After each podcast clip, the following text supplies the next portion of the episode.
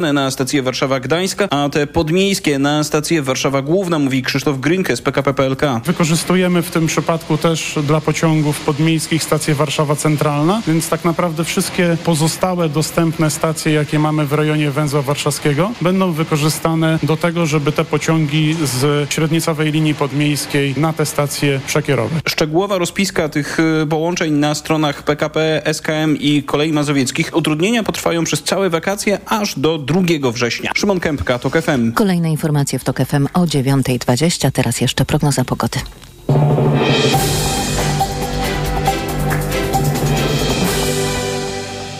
Dobrej pogody życzę sponsor programu. Japońska firma Daikin. Producent pomp ciepła, klimatyzacji i oczyszczaczy powietrza. www.daikin.pl Na prognozę pogody zaprasza sponsor. Właściciel marki Active Lab Pharma. Producent preparatu elektrowid zawierającego elektrolity z witaminą C i magnezem.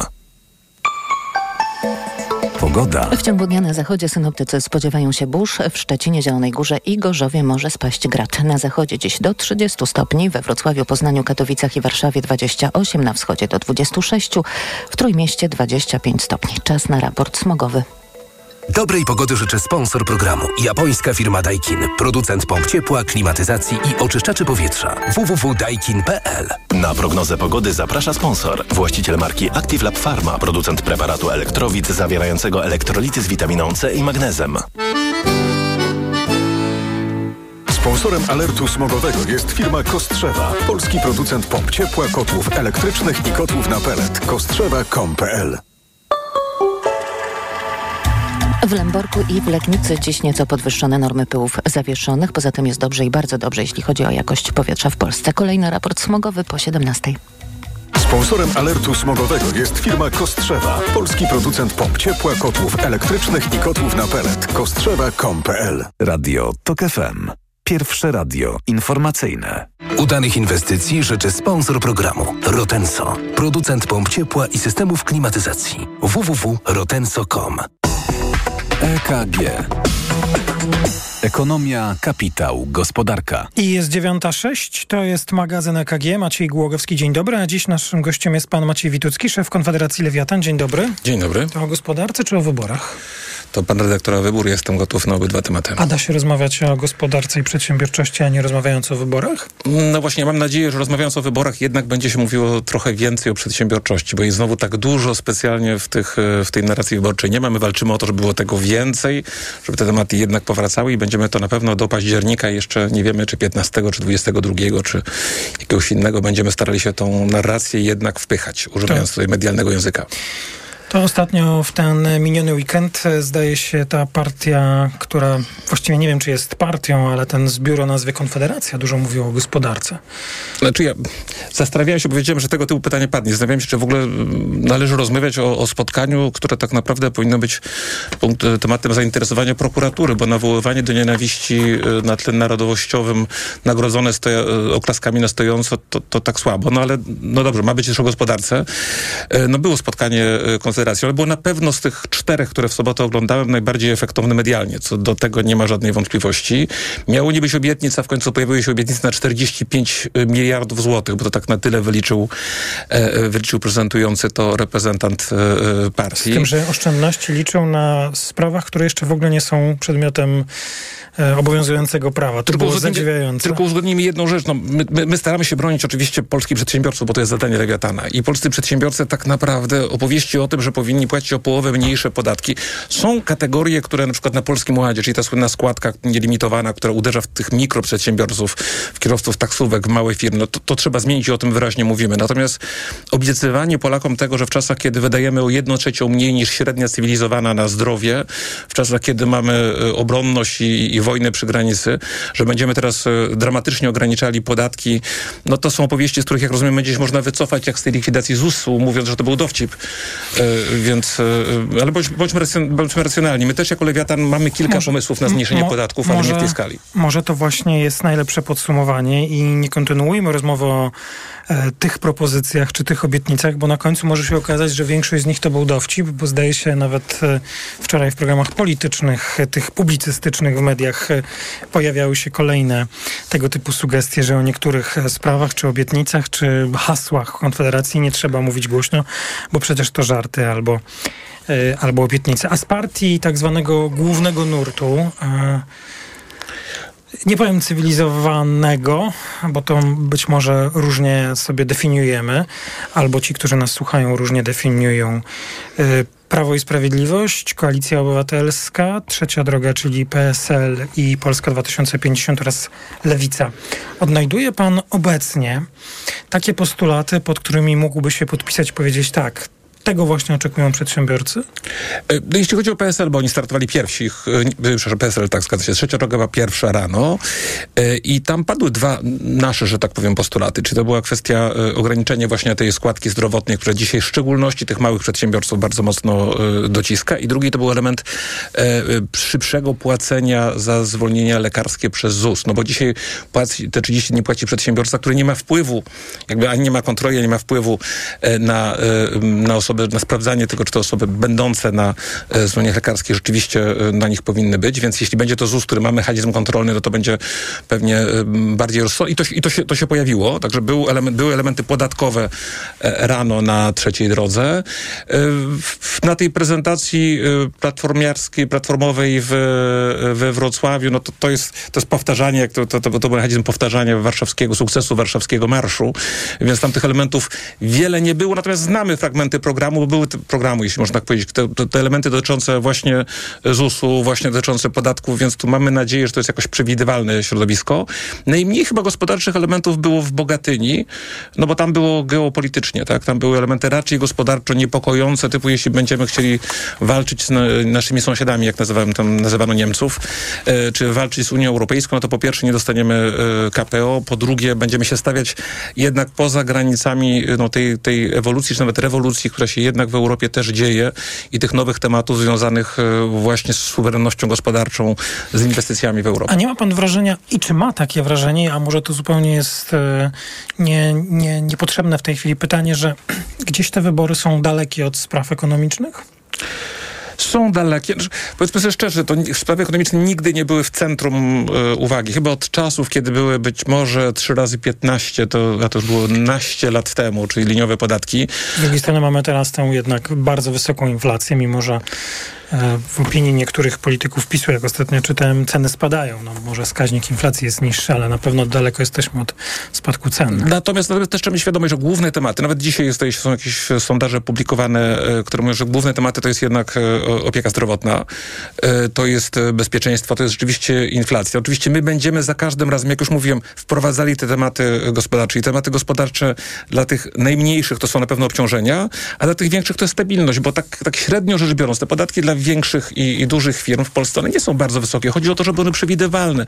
My płacimy dodatkowe pieniądze w formie jakby, kosztów bałaganu prawnego, kosztów bałaganu organizacyjnego i to są, to są jakby takie niewidoczne podatki płacone. A, a te, które trzeba zmniejszyć, to są obciążenia tych najmniejszych, bo one zabijają przedsiębiorczość na tym podstawowym poziomie, zabijają tych, którzy zaczynają małą firmkę. To ci, łatwo którzy... powiedzieć zmniejszyć, a jak e, słyszę i to można e, przymierzać się do liczenia patrząc na chociażby m, propozycje wskaźników makroekonomicznych do budżetu, czy płacy, propozycje płacy minimalnej na przyszły rok, to ci najmniejsi przedsiębiorcy, którzy będą musieli w przyszłym roku E, opłacić wszystkie swoje składki. Gdzieś do 2000 dojdą.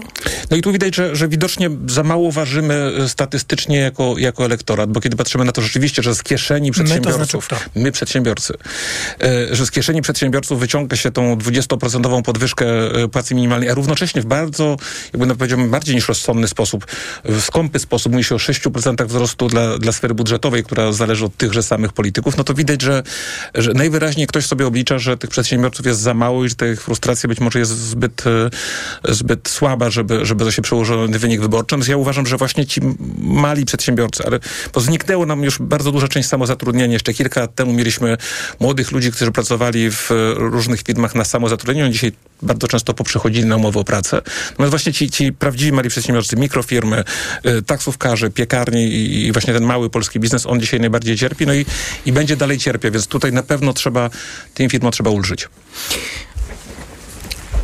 Pan używa takiego sformułowania, które e, dla mnie jest trochę trudne do zaakceptowania, że będzie próbował wrzucać swoje tematy, bo mam nadzieję, że jednak uda nam się zachować taką zasadę. Dziennikarz pyta, gość odpowiada, ale e, to teraz e, trochę się dostosuje do tego, o czym pan powiedział. Właściwie pan jest spokojny o naszą gospodarczą przyszłość? E, niedługofalowo. Znaczy, dzisiaj krótkoterminowo mamy też bardzo dużą dozę szczęścia. Pamiętajmy o tym, że mieliśmy COVID, który raptem wprowadził modę na przenoszenie produkcji z e, Dalekiego Wschodu do, do Europy. No i gdzież ją lokować, jak nie w Polsce? Gdzie jest kraj, w którym są jeszcze wciąż pracownicy e, w miarę dostępni i, i z punktu widzenia rynku pracy, i z punktu widzenia kosztów. Z pracownikami to chyba nie jest tak łatwo. Ale to i tak kłopoty z, z dostępnością pracowników są wszędzie, w całej, w całej Europie, nawet jeśli mamy rekordowo niskie bezrobocie pojawiła się teraz e, e, wojna w Ukrainie, która dodatkowo no, też powoduje, że, e, że tutaj lokują się inwestycje, chociażby pojawia się wojsko i w związku z tym pojawiają się i też wydatki zbrojeniowe, więc mam takie elementy, które krótkoterminowo nam pomagają. Natomiast długofalowo... Wojna jest dramatycznym wyzwaniem z, na wielu poziomach dla, dla nas, ale jest pan przedstawicielem jednej z największych organizacji przedsiębiorców. Mamy kilka miesięcy do wyborów.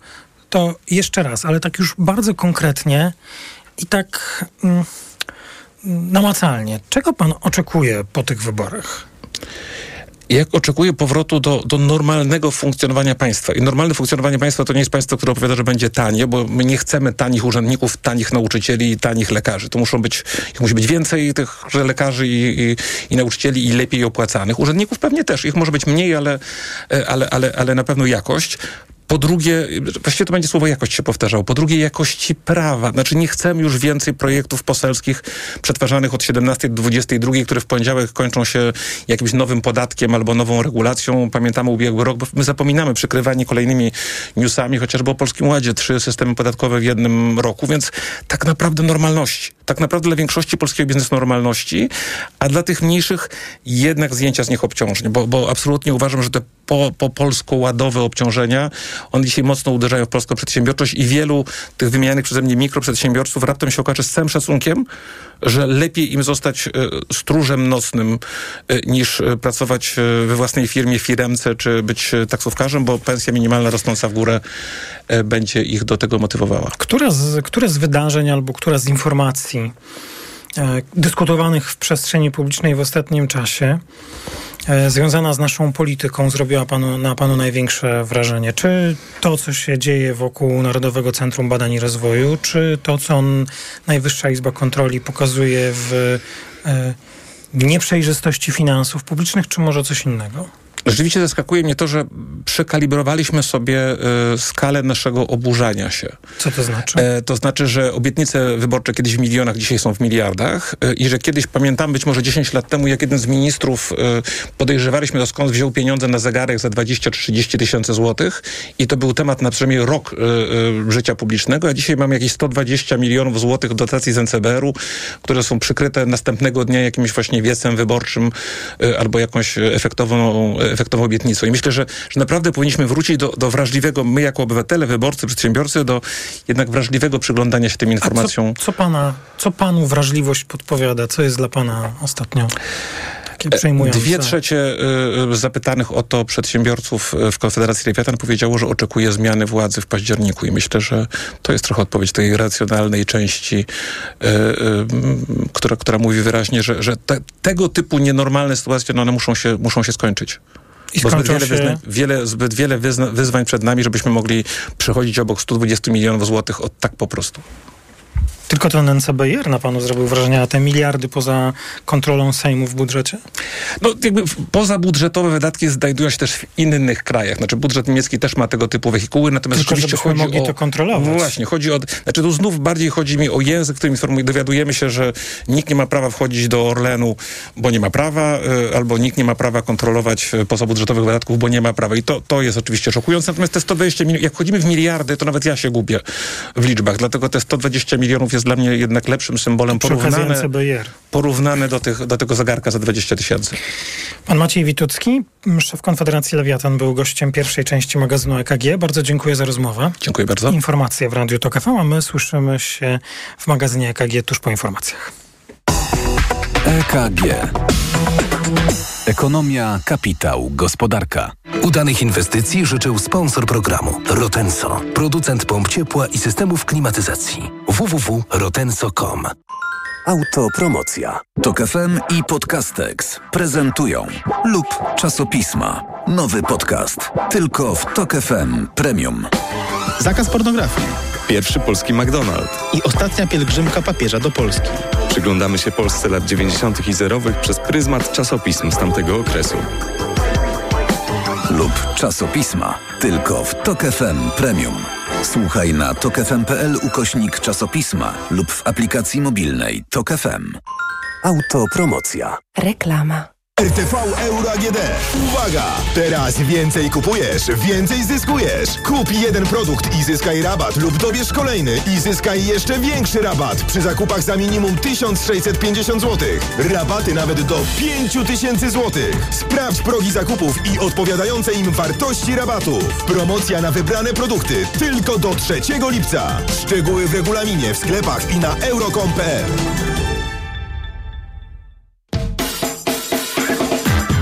Przewodnik technologiczny. Rewolucja trwa. Pomagamy nadążyć. Słuchaj od poniedziałku do piątku po 17.55. Sponsorem programu jest producent klimatyzatorów marki Hisense. Reklama. Radio TOK FM. Pierwsze radio informacyjne. Informacje TOK FM. 9.20. Marta Perchuć-Burzyńska. Zapraszam. Trzy czwarte Polaków uważa, że to lekarze ponoszą winę za zagrożenie zdrowia lub życia kobiety, jeśli, powołując się na obowiązujące prawo aborcyjne, odmówią przerwania ciąży w przypadku jej poważnych powikłań. Tak wynika z sondażu przeprowadzonego przez Ipsos dla Okopres i TOK FM. Odpowiedź, że to lekarze ponoszą w takiej sytuacji odpowiedzialność wybrało 76% badanych, przeciwnego zdania było 15%. Od najbliższej soboty oficjalnie nie będzie już obowiązywał w Polsce stan zagrożenia epidemii epidemicznego. Oznacza to zniesienie wszystkich dotychczasowych obostrzeń, czyli m.in. obowiązku noszenia maseczek w placówkach medycznych. Profesor Krystyna Binkowska-Szewczyk z Gdańskiego Uniwersytetu Medycznego przekonywała jednak w TOK FM, że każda odpowiedzialna osoba powinna używać maseczki, gdy wie, że jest chora. One pomagają w ograniczeniu rozprzestrzeniania się jakiejkolwiek infekcji. Rozsądek. Jeżeli ktoś kicha, kaszle, mi się to zdarzyło stosunkowo niedawno temu, ale musiałam przyjść do pracy, wtedy przychodzę w maseczce. Te maseczki wyłapują to, co my wydychamy, prawda? Jakieś kropelki kropelki śliny, aerozol i tak dalej. I one ograniczają w związku z tym rozprzestrzenianie się infekcji. Dlatego szczególnie w placówkach medycznych nie powinniśmy rezygnować z noszenia maseczek. Z początkiem wakacji ruszyła ogólnopolska akcja Bezpieczny Autokar. Policjanci razem z inspektorami transportu drogowego sprawdzają m.in. stan techniczny pojazdów oraz uprawnienia, stan trzeźwości i czas pracy kierowców. Wszystko po to, by dzieci, które wyjeżdżają na obozy i kolonie dotarły na miejsce bezpiecznie, mówi młodsza aspirant Renata Szpakowska z Policji w Lublinie. Na stronie Komendy Wojewódzkiej oraz Komendach Powiatowych i Komendach Miejskich znajdziecie Państwo wykaz miejsc kontroli autokarów oraz telefony, pod które trzeba zadzwonić, żeby taką kontrolę zgłosić. Zalecamy, aby to zgłosić z kilkudniowym wyprzedzeniem. Tymczasem policja uruchomiła wakacyjną mapę śmiertelnych wypadków na drogach w Polsce. Do końca wakacji każdego dnia na stronie policja.pl będzie można zobaczyć, gdzie doszło do najtragiczniejszych zdarzeń. Pogoda. Początek poniedziałku słoneczny i pogodny, ale od zachodu nadchodzą burze. Na termometrach na ogół od 24 do 29 stopni, na krańcach zachodnich około 30. Chłodniej w rejonach podgórskich i nad morzem, tam od 21 do 24. Radio TOK FM. Pierwsze radio informacyjne. EKG. Ekonomia, kapitał, gospodarka. To jest druga część poniedziałkowego wydania magazynu EKG. Maciej Głogowski raz jeszcze dzień dobry. W naszym studiu pani dr Małgorzata Starczewska-Krzysztoszek, Wydział Nauk Ekonomicznych UW i Towarzystwo Ekonomistów Polskich. Dzień dobry. Dzień dobry. Pani profesor Iga Magda, Instytut Badań Strukturalnych, Szkoła Główna Handlowa w Warszawie. Dzień dobry. Dzień dobry. Pan Sergiusz Najar, doradca ekonomiczny.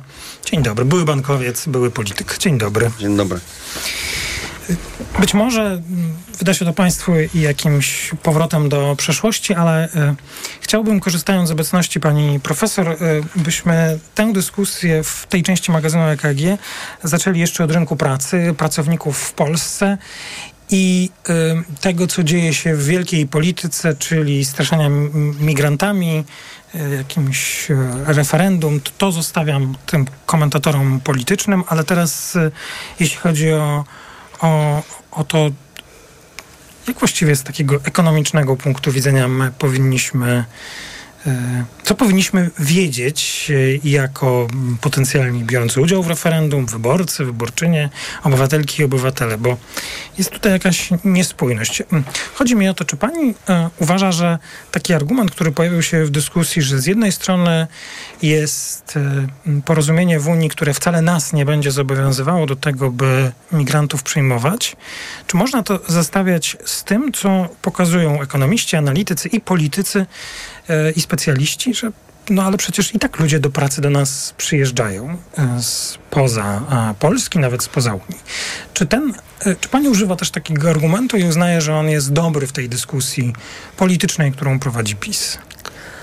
Nie, nie używam tego argumentu i myślę, że, że nie jest, jest nietrafiony. E, trudno tak naprawdę cokolwiek e, konkretnego powiedzieć o tych osobach, które próbują przedostać się przez Polskę do krajów Europy Zachodniej, bo to też jednak głównie o to chodzi. E, I umieszczać to w dyskusji o tym, jak wygląda rosnąca liczba migrantów, których mamy na polskich rynku pracy z różnych krajów, nie tylko z Ukrainy, Białorusi, ale też coraz e, częściej z krajów dalekiej Azji.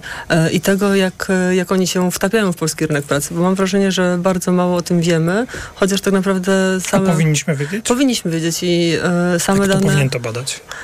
E, no, myślę, że minister pracy, czyli pani minister rodziny i polityki społecznej Maląg powinna być pierwszą zainteresowaną, ale to jest też doskonały przedmiot na chociażby dyskusję w Radzie Dialogu Społecznego. Ten temat migracji nam naprawdę u, u, unika, umyka. E, jak spojrzymy na chociażby dane GUS, dane, przepraszam, nie GUS, właściwie tylko ZUS, on zbiera informacje tylko i wyłącznie, znaczy do niego trafiają informacje o migrantach, którzy są formalnie zarejestrowani, płacą składki społeczne, e, płacą składki e, na ubezpieczenia emerytalne i rentowe e, i ich jest ponad milion osób. To jest naprawdę ogromna część polskiego rynku pracy, która gdzieś jakaś taka jest niezauważona zupełnie. A, a to też jest istotne chociażby w kontekście systemu emerytalnego, tylko tam chyba się pojawiły właśnie zresztą mm, niesłuszne argumenty, dyskusje o tym, komu będziemy musieli wypłacać emerytury, a komu nie będziemy musieli wypłacać emerytur. To jakby takie jedyne odnotowane przeze mnie faktyczne zdanie sobie sprawy z tego, że na polskim rynku pracy dzieje się coś, co do tej pory nie, nie analizowaliśmy, nie patrzyliśmy, nie byliśmy tego świadomi.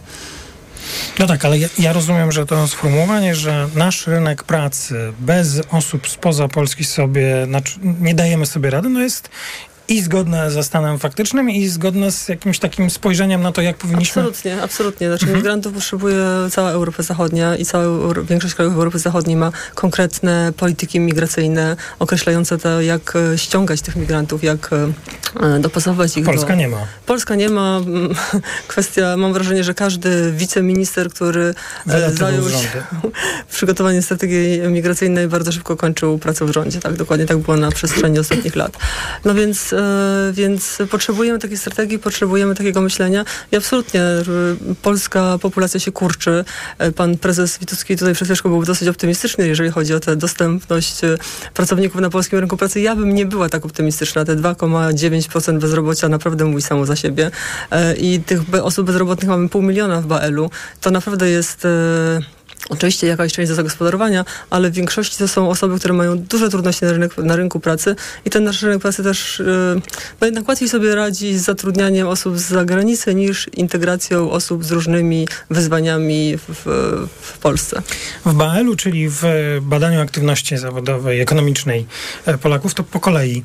E, pani doktor Krzysztoszek, no nie mamy polityki migracyjnej, a to, co się jest w przestrzeni migracyjnej, w przestrzeni publicznej o migracji, narzuca, próbuje, w każdym razie próbuje narzucić e, partia e, chcąca utrzymać się u, u władzy i idzie to zupełnie jakoś nie, nie po drodze. E, w zeszłym tygodniu odezwał się do mnie dziennikarz Gazety Wyborczej z Płocka, ponieważ no, chyba już do przestrzeni publicznej e, przedostała się informacja o tym, że Orlen e, pod Płockiem buduje takie miasteczko dla około 10 tysięcy tak. pracowników spoza nawet Unii Europejskiej. i że mieszkańcy Płocka i okolic bardzo się denerwują, bo właśnie ten przekaz z jednej strony jest ten przekaz polityczny, który mówi o tym, że tego typu migracjom nie, znaczy spoza Unii Europejskiej, w ogóle najlepiej żadnej migracji, a z drugiej strony spółka, największa spółka y, z udziałem Skarbu Państwa, y, która y, afiliuje się w ogóle jako y, spółka y, współpracująca z y, rządem, y, buduje miasteczko na 10 tysięcy osób, które Mam będą... wrażenie, tu pan prezes Obajtek wyjaśniał ostatnio nawet e, chyba w piątek w Radiu Z, mówiąc o tym, że to no, nie konkretnie Orlen, tylko podwykonawcy. Ale to nie ma znaczenia.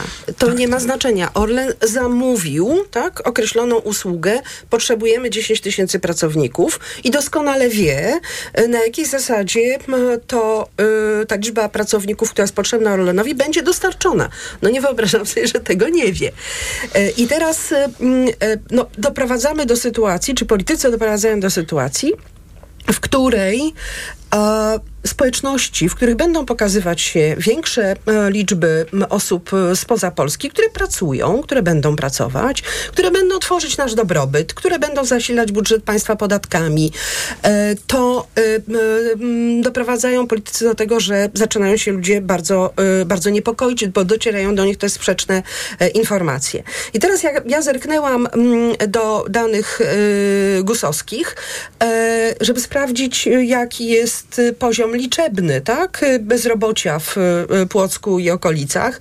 No tam jest e, 1100 osób bezrobotnych. Zarejestrowanych jako, Zarejestrowanych bezro- jako bezrobotnych, czyli no, daleko mniej niż potrzebuje tylko jeden podmiot gospodarczy, który na tym terenie działa.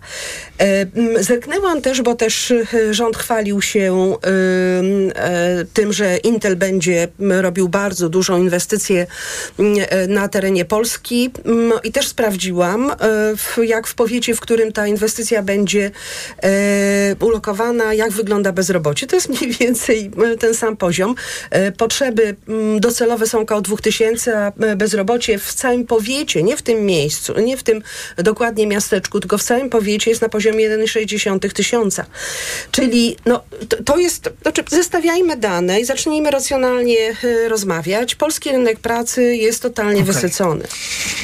Y, To jeszcze pan Sergiusz Najer i ja za chwilę się usprawiedliwię, dlaczego chciałem, żeby ten temat się dzisiaj pojawił. Znaczy to, my, trochę rozmawiamy na w zupełnie różnych przestrzeniach. Mhm. Politycy, a szczególnie politycy rządzący, wywołując temat y, migracji, zagrożeń pochodzących od osób innej, innej rasy, innej kultury, inne, inne, innej wiary, y, zarządzają strachem. Wywołują w najgorsze ksenofobiczne, rasistowskie, podłe wręcz uczucia wobec tego obcego, groźnego, śmierdzącego, prawda, zawszonego i wszystko tak, jedno, już może nie- użyjemy. już Dobrze, ale nie. Ja Mhm. specjalnie to wyostrzam, dlatego że cała ta debata w ogóle nie ma nic wspólnego z kwestiami ekonomicznymi, rynku pracy, zatrudnienia, które no, dzieją się równolegle, to znaczy setki tysięcy ludzi, e, a już właśnie miliony pracują w sposób legalny. Prawdopodobnie drugie tyle pracuje w sposób mniej legalny albo wręcz nielegalny. Rynek pracy jest otwarty, e, nie tylko w ramach Unii Europejskiej jako jedna z czterech swobód, ale okazuje się również spoza Unii Europejskiej. E, Jeżeli celem politycznym rządzących jest, aby zamiast tego, żeby Polacy zbierali szparagi w Niemczech, to żeby Pol- Niemcy zbierali truskawki w Polsce, no to pokazuje absurdalność y, w ogóle myślenia o ruchach, wędrówkach, przemieszczaniach się. Kompletna klapa, jeśli chodzi o politykę demograficzną, czyli przyrost y, obywateli za tych już ładnych kilka lat obowiązywania 500 plus. Y, Próbuje się, że tak powiem, zamieniać takimi śmiechy, chichy z osób obcych, y, a jednocześnie kraj, który dobrze znam, Republika Czeska, w ciągu tych paru lat y, no, przyrosła o mniej więcej 10%, jeśli chodzi o ilość ludności, właśnie w wyniku świadomie prowadzonej polityki migracyjnej. I to są nie, i Ukraińcy, i Białorusini, y, i osoby z Afryki, i z Azji, i Polacy zresztą, bo też mamy taki, taki fenomen. Tak więc Mamy w Polsce niestety y, wyjątkowo źle prowadzoną debatę. Politycy opozycyjni no też próbują argumentami moralnymi, kulturowymi tłumaczyć, że ci nieszczęśnicy uciekający czy przez morza, czy przez lasy do, do Polski to nie są zagrożeniem. Natomiast ten wymiar ekonomiczny, wymiar pracy, wymiar konkurencyjności a propos inwestycji Intela y, jak gdyby zanika, zamieniany w obietnice próżne, że Polska i, i tak sobie da radę. Mi, mi chodziło tylko o to i, e, i, I, trochę się zastanawiałem, bo być może to jest w ogóle niewłaściwe ujęcie tego tematu, czy postawienie tego e, pytania, ale czy przez to, co się dzieje, e, dane, które już tu zostały przytoczone, ta inwestycja pod Płockiem, myśmy też w TOK FM o tym mówili, to jest, to akurat się wszystko czasowo złożyło, tak? Tu jest, tu było zasiedlanie tego osiedla dla pracowników spoza Unii Europejskiej w minionym tygodniu i w tym samym czasie pan prezes Kaczyński ze swoim referendum. Chodzi mi o to, czy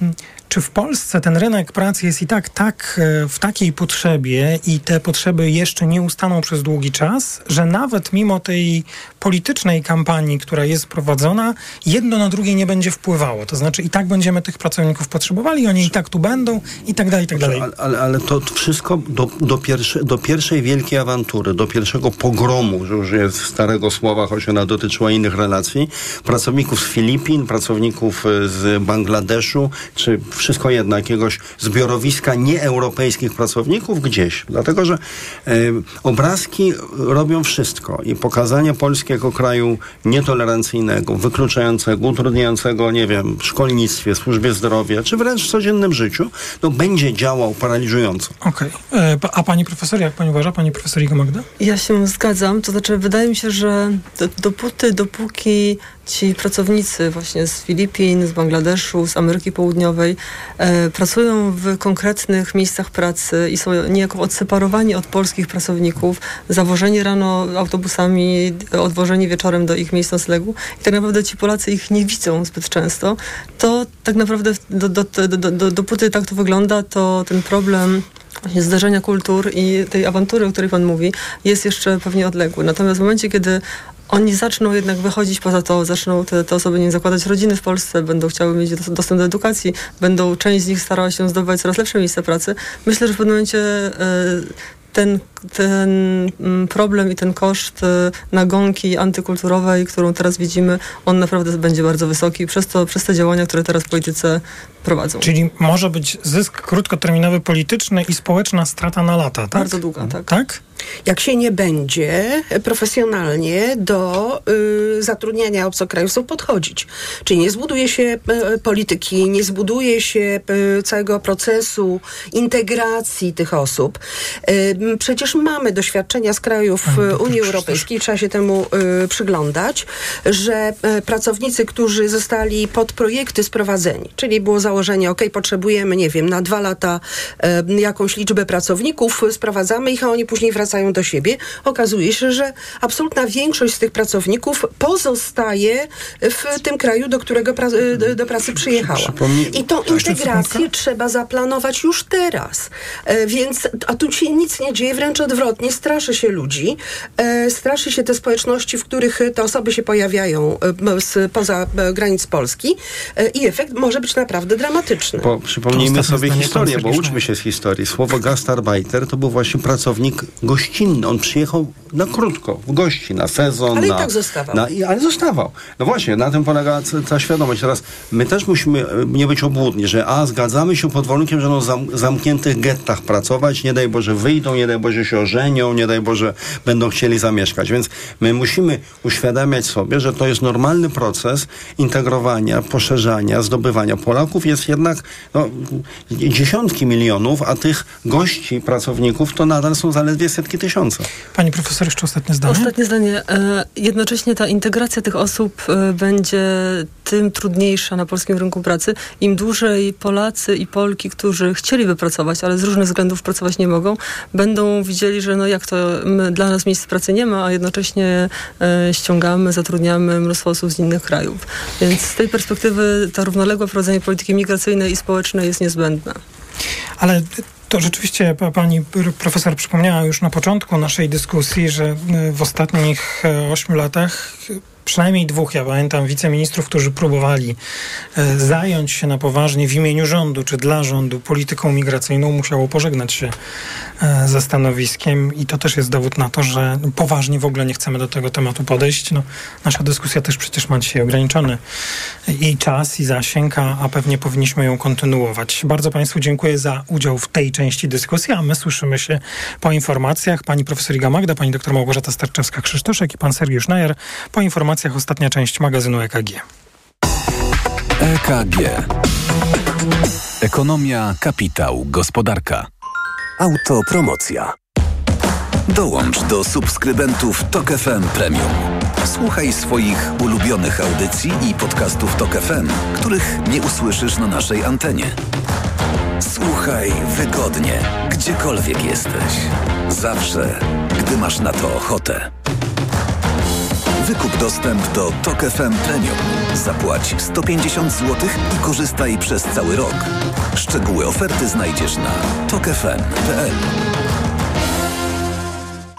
Autopromocja. Reklama. RTV Euro AGD.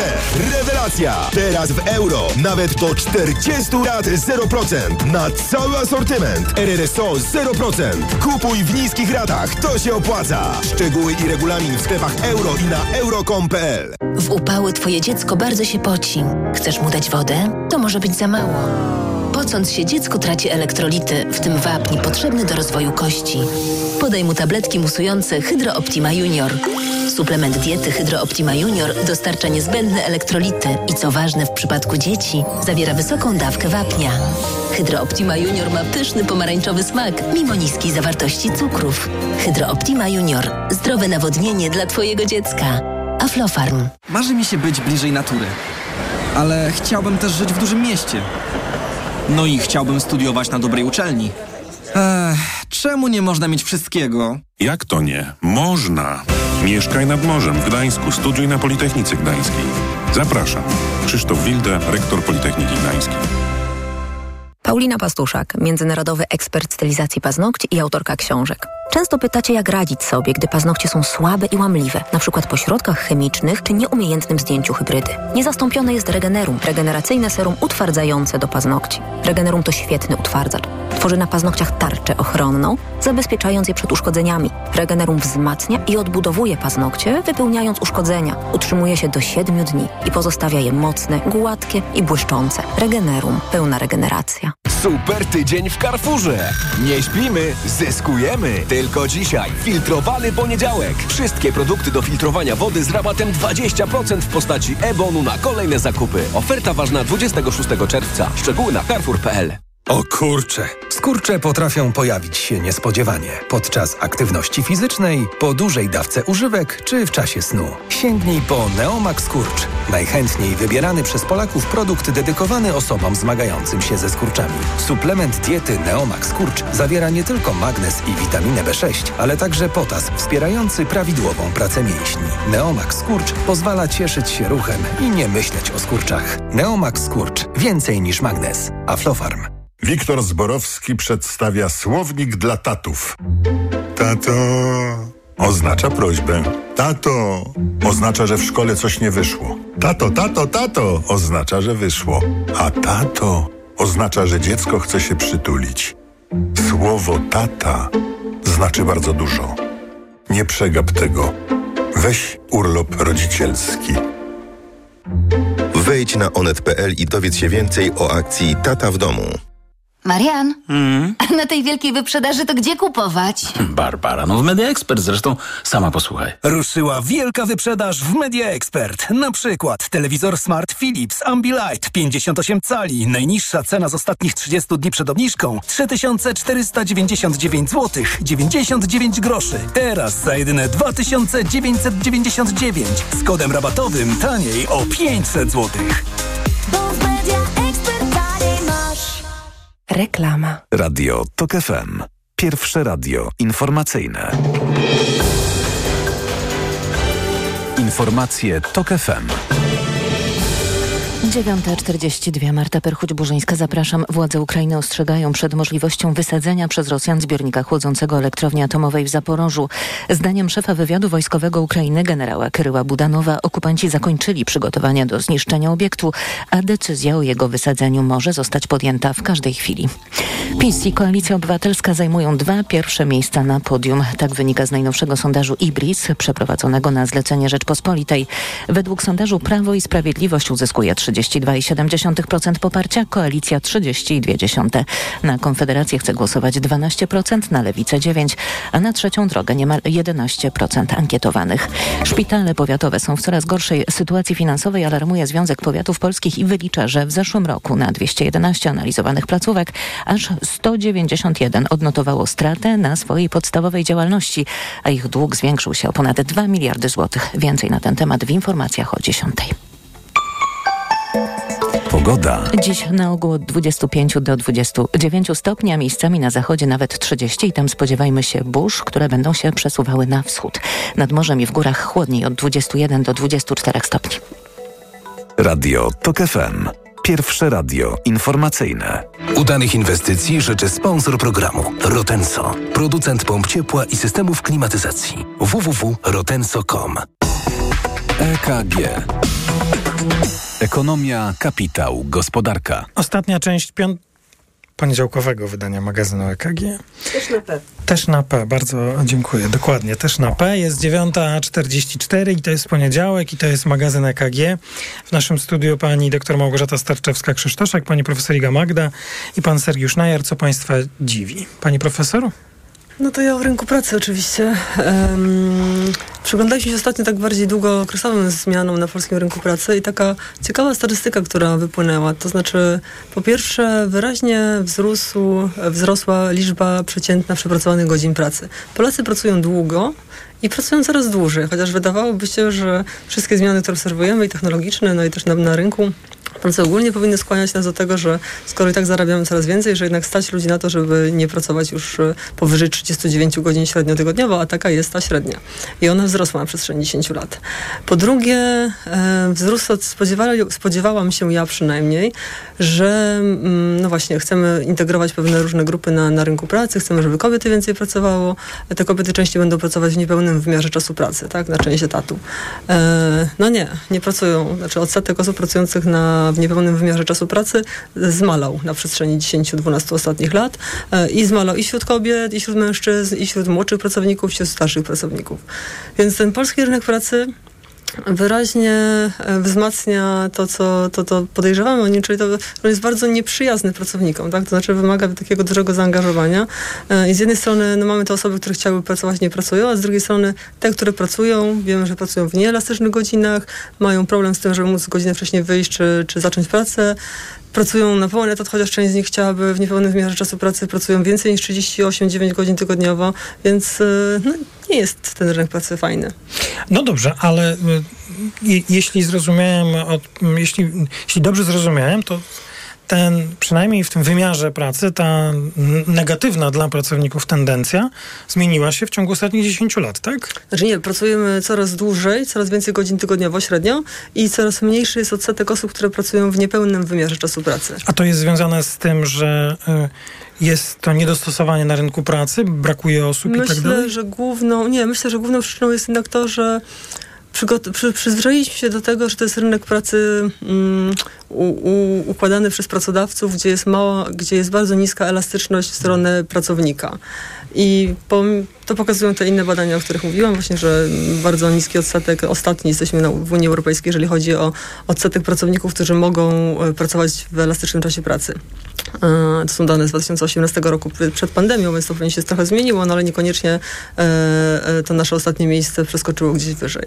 Więc mamy mało elastyczny rynek pracy i w ramach tego małego elastycznego rynku Co pracy... Co się kryje pod tym sformułowaniem?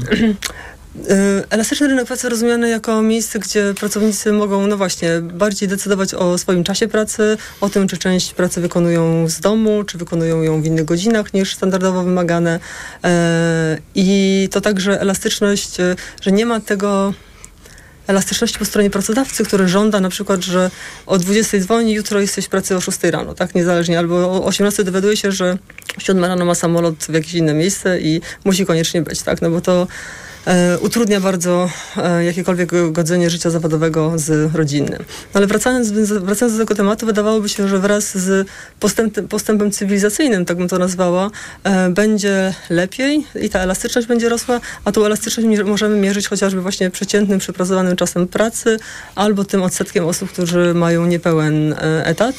E, I, e, I tego nie ma. Choć wydawałoby się, że tak wiele rzeczy się pozytywnie zmienia także i dla pracowników. e, No, ale mogę komentarz, Proszę, bo z, proszę, z wielką bardzo uwagą się przysłuchiwałam y, temu, co pani profesor mówiła. Ale tak, wydaje mi się, że polska gospodarka ma określoną y, strukturę, przy której istotne zwiększenie elastyczności pracy, istotne zwiększenie elastyczności pracy nie jest możliwe. No, trudno sobie wyobrazić, że pracownik, który pracuje w przemyśle, w pewnym systemie, e, mógłby decydować m, e, elastycznie, jak chce przychodzić e, do pracy, w jakich godzinach pracować. To przemysł, a no nie wiem, sfera mm, publiczna.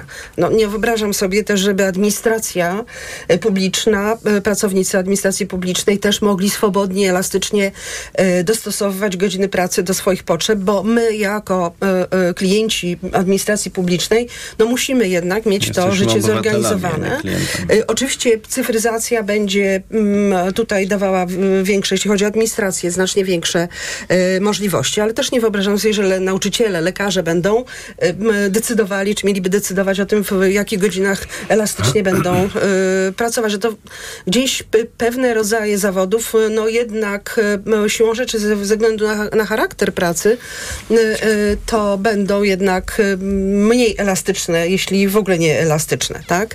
Ale oczywiście cyfryzacja, technologia będzie to zmieniać, bo nawet wyobrażam sobie, że lekarze m, będą mogli, m, y, Jasne. bo to się już zaczyna dziać, y, udzielać y,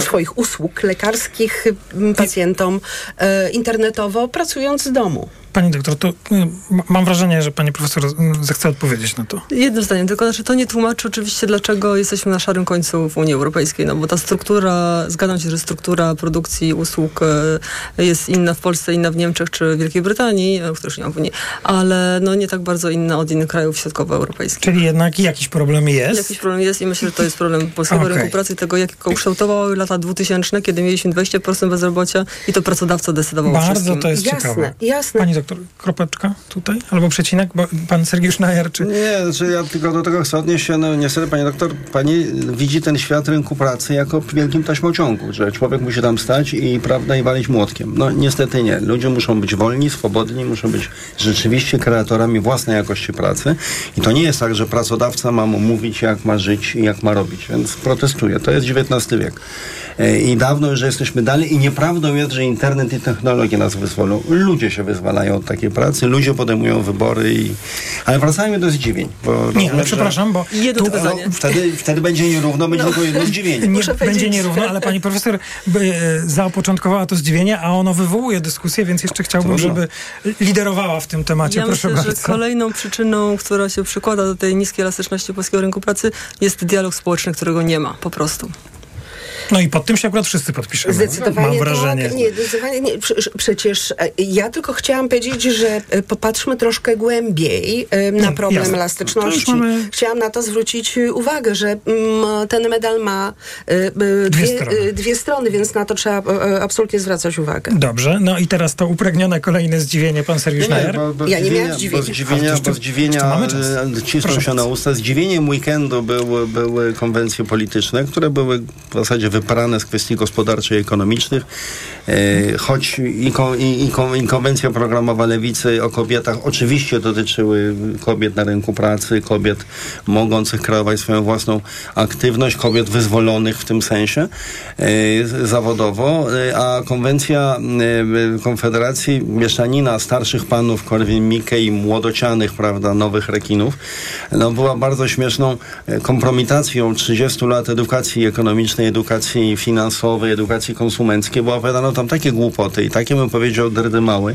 na temat tego, jak może państwo, prawda, łatwo zarządzać. To jest takie joystickowe myślenie o państwie, gdzie po prostu siedzi ktoś i przy jakiejś grze komputerowej, prawda, pach, pach, pach, załatwia problemy, likwiduje, upraszcza. I to pana dziwi. I to mnie dziwi, dlatego że e, euforię, z jaką tam w sumie młoda sala przyjmowała te głupoty, e, było, było przerażające, bo przecież oni wszyscy doskonale wiedzą, że to wszystko nie jest ani takie proste, ani takie możliwe, ani takie no łatwe. Nie wiedzą. No wygląda, że nie wiedzą, no, ale pani, pani doktor, to pani uniwersytet i mój uniwersytet edukuje tysiące, tysiące i w końcu miliony ludzi przez te 30 lat wolnej gospodarki. Okazuje się, nic z tego nie wynika. Może, Ci ludzie są niewyedukowani, nie, nie rozumieją, nie wiem, nie dociera jakieś ciągle, ciągle o tym mówimy, że edukacja ekonomiczna Otóż, jest no, absolutnie ale rozumiem, że mówimy, wydaliśmy na to setki milionów złotych i nic z tego nie wynika. Więc ten wielki mit liberalny o tym, że wszystko tkwi w edukacji, być może jest nie do końca uprawniony. A zdziwienie dzisiejsze... Nie, no to już pan miał dane... zdziwienie, to teraz pani doktor się nie będzie dziwić. Ja, ja, tylko nie wiem, jak, z tym, jak podejść do tego argumentu z tym, e, z tym że, że nie rozumieją i tak dalej. No, no może są rzeczywiście oczarowani tymi politykami. I, I być może się jeszcze nawet dodatkowo rozczarują, ja, jak się okaże. byliśmy oczarowani błyskotliwą inteligencją pana posła Janusza Korwin-Mikke, tylko wszyscy wiedzieli, no ja że to nie ma sensu. Nie, że to nie ma sensu, że to nie da się zastosować. Ja też się wypisuję. Okej, okay, dobrze, ale mam na, mam na myśli przebłyski, pomysły, fajerwerki i tak dalej, to się kupy nie trzymało, to nie miało sensu. To, że to przekłada się na nowe pokolenie i nowych działaczy. Ale pani I doktor zdziwienie pani. domaga się zdziwień. Tak, pani Małgorzata tak, Staczewska. jak w szkole. Y, to ja może w, w takim wypadku wybiorę takie zdziwienie, które będzie jakoś tam kontekstowało z tym, o czym mówimy, czyli za tym zarządzaniem e, państwem e, w wyobrażeniu młodych ludzi przynależących do Konfederacji. E, For jakiś czas temu, Forum Odpowiedzialnego Rozwoju jakiś czas temu przedstawił bardzo ciekawe wyliczenia, nazwali to rachunek od państwa. Wzięli dane dotyczące finansów publicznych z 2022 roku i policzyli, ile każdy z nas, od, poczynając od Y, właśnie narodzonego, narodzonego niemowlaka do najstarszej osoby w Polsce. Ile każdy z nas w zeszłym roku wydał na różne mm, y, obszary działalności, za które e, państwo odpowiada. Zacznę może od kosztów obsługi długu publicznego. Całość to było 36 tysięcy, czyli na jednogodzinnego niemowlaka e, przypadało 36 tysięcy tych wydatków i ka na każdego z nas y, kolejne 36 tysięcy. W tym y, koszt obsługi długu publicznego to jest półtora, półtora tysiąca. Koszt obsługi, czyli na nic, tak? Czyli na mm, to, że żeśmy pożyczali pieniądze po to, żeby zrealizować jakieś, jakieś wydatki. I teraz dla porównania, dlaczego mówię o, zaczęłam od kosztów obsługi długu publicznego? Ponieważ mm, półtora tysiąca na ten koszt, natomiast na szkolnictwo wyższe i naukę, a propos, wydaliśmy w ramach tych pieniędzy publicznych 744 zł, czyli ponad, ponad połowę mniej niż na koszty obsługi długu publicznego. Na 500 plus, to jest roczny oczywiście wydatek, na 500 plus każdy z nas od niemowlaka do najstarszej osoby w Polsce wydaliśmy 1 1100, 1100, 1100 zł. Na wojsko 1600. Wracam do szkolnictwa wyższego 744 zł, szkolnictwa wyższe i nauka, na 13 i 14 643 zł. Także to pokazuje y, jakąś dramatyczną y, sytuację dotyczącą tego, że przy takim y, rozdysponowywaniu środków publicznych my nie mamy najmniejszych szans na rozwój. I, I, chyba nic więcej nie dodamy, ale to jest całkiem niezła puenta, choć e, każdy z tematów, który był dzisiaj e, proponowany przez Państwa zdziwieniem, zasługuje na dodatkową audycję i, i, i, i, omówienie. Pani doktor Małgorzata Starczewska-Krzysztoszek, bardzo dziękuję. Pani dziękuję. profesor Iga Magda również bardzo dziękuję. dziękuję. I pan Sergiusz Najer bardzo dziękuję. To euro 4 zł 42 i dolar 4 zł i 6 groszy.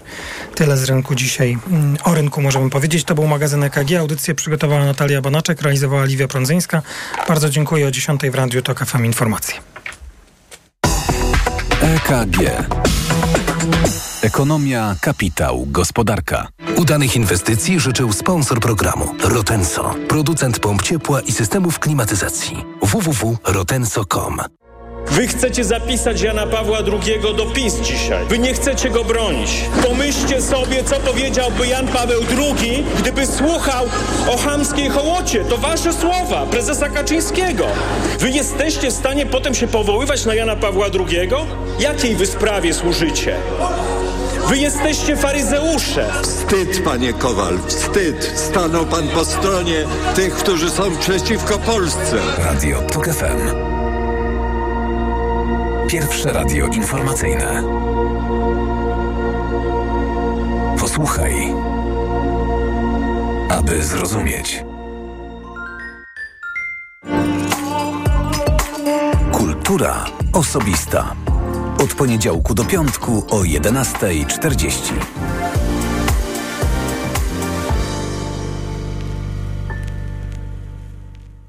Sponsorem audycji jest organizator Międzynarodowego Festiwalu Filmowego M-Bank Nowe Horyzonty. Szczegóły na nowehoryzonty.pl Reklama. Marian, Mm. na tej wielkiej wyprzedaży to gdzie kupować? Barbara, no w Media Expert zresztą sama posłuchaj. Ruszyła wielka wyprzedaż w Media Expert. Na przykład energooszczędna pralka Samsung, funkcje parowe. Najniższa cena z ostatnich 30 dni przed obniżką 2199 zł 99 groszy. Teraz za jedyne 1799 z kodem rabatowym taniej o 400 zł.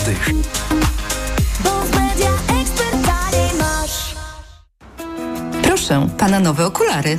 Dziękuję, ale i tak będę brać Maxiluten, który pani mi poleciła. I bardzo dobrze. Maxiluten zawiera wysoką dawką luteiny i składniki wspierające wzrok, cynk i wyciąg z róży stulistnej. Chociaż w pana wieku jeszcze lepszy będzie suplement diety Maxiluten Cardio. O, wspiera prawidłowe widzenie i dodatkowo dzięki wyciągowi z głogu wspomaga układ krążenia. Z całego serca polecam panu Maxiluten Cardio.